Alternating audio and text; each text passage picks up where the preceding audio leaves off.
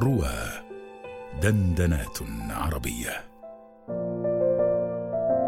حديث عن العيد مقال لأحمد خالد توفيق. نشر على موقع إضاءات بصوت الراوية إيمان طه. كل عام وأنت بخير. سنؤجل الحديث القاتم والكلام عن يوتوبيا التي تتحقق اليوم بإصرار غريب يثير إحباطي. نتكلم اليوم عن مناسبة سعيدة هي عيد الأضحى. عندما أشم رائحة الضأن القوية تنبعث من الخراف المربوطة أمام دكان الجزار المجاور فإنني أعرف أن عيد الأضحى قادم قبل أن يستوعب ذهني المعلومة. نوع من الارتباط الشرطي. ابنتي تكره هذه الرائحة كراهية التحريم وتؤكد أن حتى مياه الصنبور تكون لها ذات الرائحة. الحق أنني أحب هذه الرائحة لأنها تستدعي حشدا من الذكريات. لم نكن أسرة ثرية بل هي الأسرة التي ينطبق عليها مصطلح الطبقة الوسطى حرفيا. لكن ظل الخروف جزءا من تقاليد العيد حيث ترسله جدتي هدية لنا كل عام تقريبا وكان يصل بحفاوة مع السيارة نصف النقل. والحبل الغليظ وصوته الأجش الذي نعتقد أنه ماء بينما يعتقد الغربيون أنه باء. هناك في الحمام يقف كضيف فوق العادة له ثقله وأهميته. ثم يأتي يوم العيد والذبح وبرك الدماء وشعوري بأنني أتخلى عن صديق وهو الشعور الذي يزول فورا بمجرد أن يبدأ طهي اللحم. تتحرك عصارات معدتي وأنتظر في شغف. بعد الإفطار الشهي يأتي الجزء القذر من العملية بالنسبة لي وهو أرغفة الخبز المحشوة بالأرز واللحم التي يأخذني أبي معه لنوزعها في أماكن تجمع الفقر والمتسولين. نجوب أزقة ضيقة وعرة خلف السيد البدوي وفي منطقة سيدي مضيها والشيخ صباح. هناك تكتشف درجات من الفقر والقبح والتشوه. لم تتصور أنها موجودة قط. يخرج لك المتسولون من الظلمات يئنون مثل أفلام الزومبي. كنت في العاشرة مثلا وكنت أعتبر هذه الجولة تنغيصا. ضريبة لا بد منها مقابل متعة لحم العيد. بينما كان أبي يعتبرها أهم لحظات اليوم. وفي المساء نقوم بجولة سريعة أخرى على بيوت الأقارب. وطنط فلانه وطنط فلانه ينتهي اليوم وأنت كتلة عجين من فرط الإرهاق. لكن البيت مليء باللحم وأنا لا أكف عن الأكل. كأنني الطفل المقصود في بيتي بيرم التونسي الجميلين. استنظروا الموت وفي العيد الكبير قالوا في اللحم لما أكل من كل ما طالوا أكل في بيتهم وبيت عمه وبيت خاله ويعيد غداه كل ما يدخل لأهل ضيوف كانت معدتي ما زالت في فترة الضمان. لقد خرجت من المصنع لتوها وكانت قادرة على هضم الحجارة والزلط. تعبير عسر الهضم كان يبدو لي نوعا من الخيال العلمي الغامض. بعد يومين تضع لي أمي قطعة لحم كبيرة لكن مشبعة. في اليوم الرابع هي قطعة في حجم علبة ثقاب صغيرة. فأجن رعبا.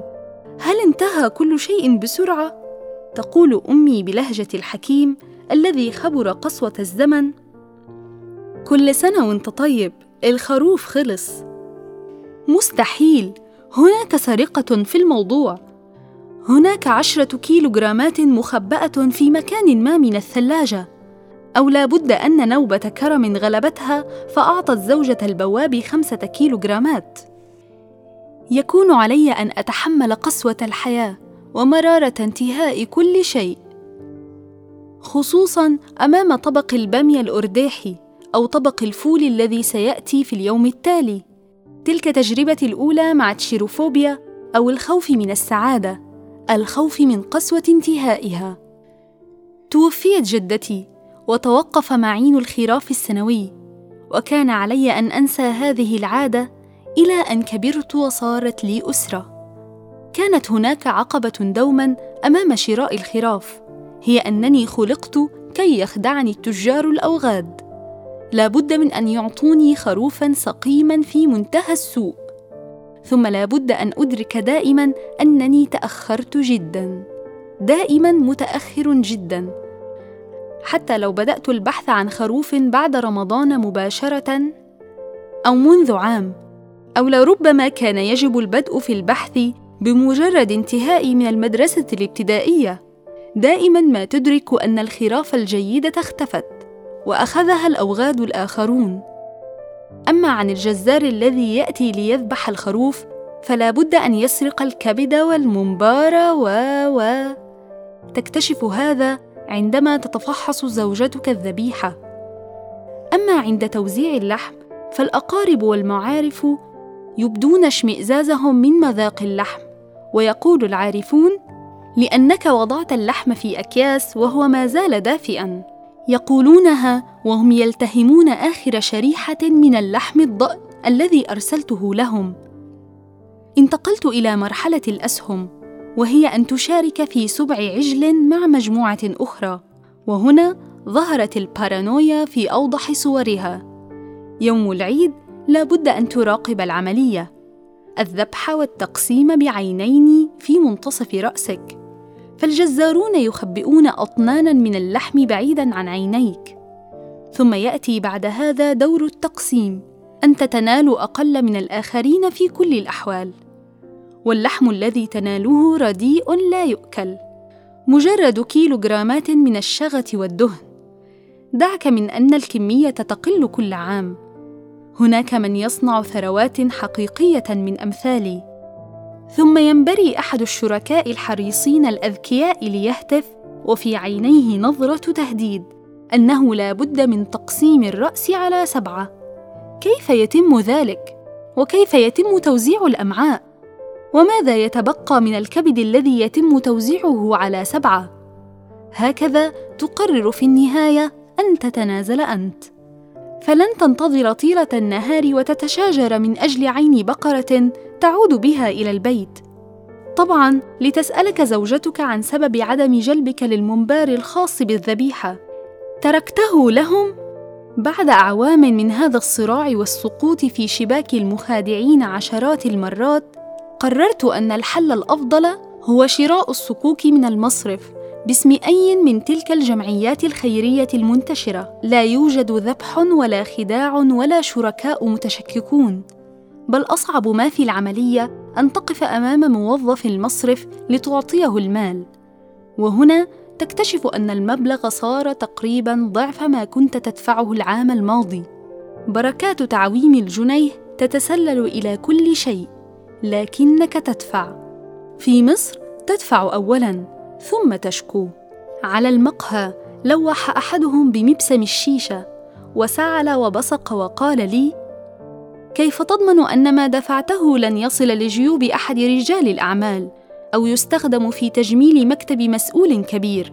أنت تركت مالك في المصرف ولم تر ذبحا ولا لحما ولا دماء.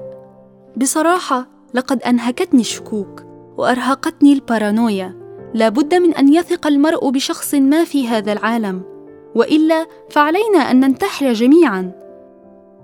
لا أنصح احدا بشيء لكني وجدت الحل الوحيد المثالي لشخص مثلي يهوى أن يخدعه الجميع. وفي النهاية يعلم الله أن نيتي صادقة. كل عام وأنت بخير. لندعو الله في العام القادم ألا تكون الأمور أسوأ. لربما نطمع كذلك في أن تصير أفضل.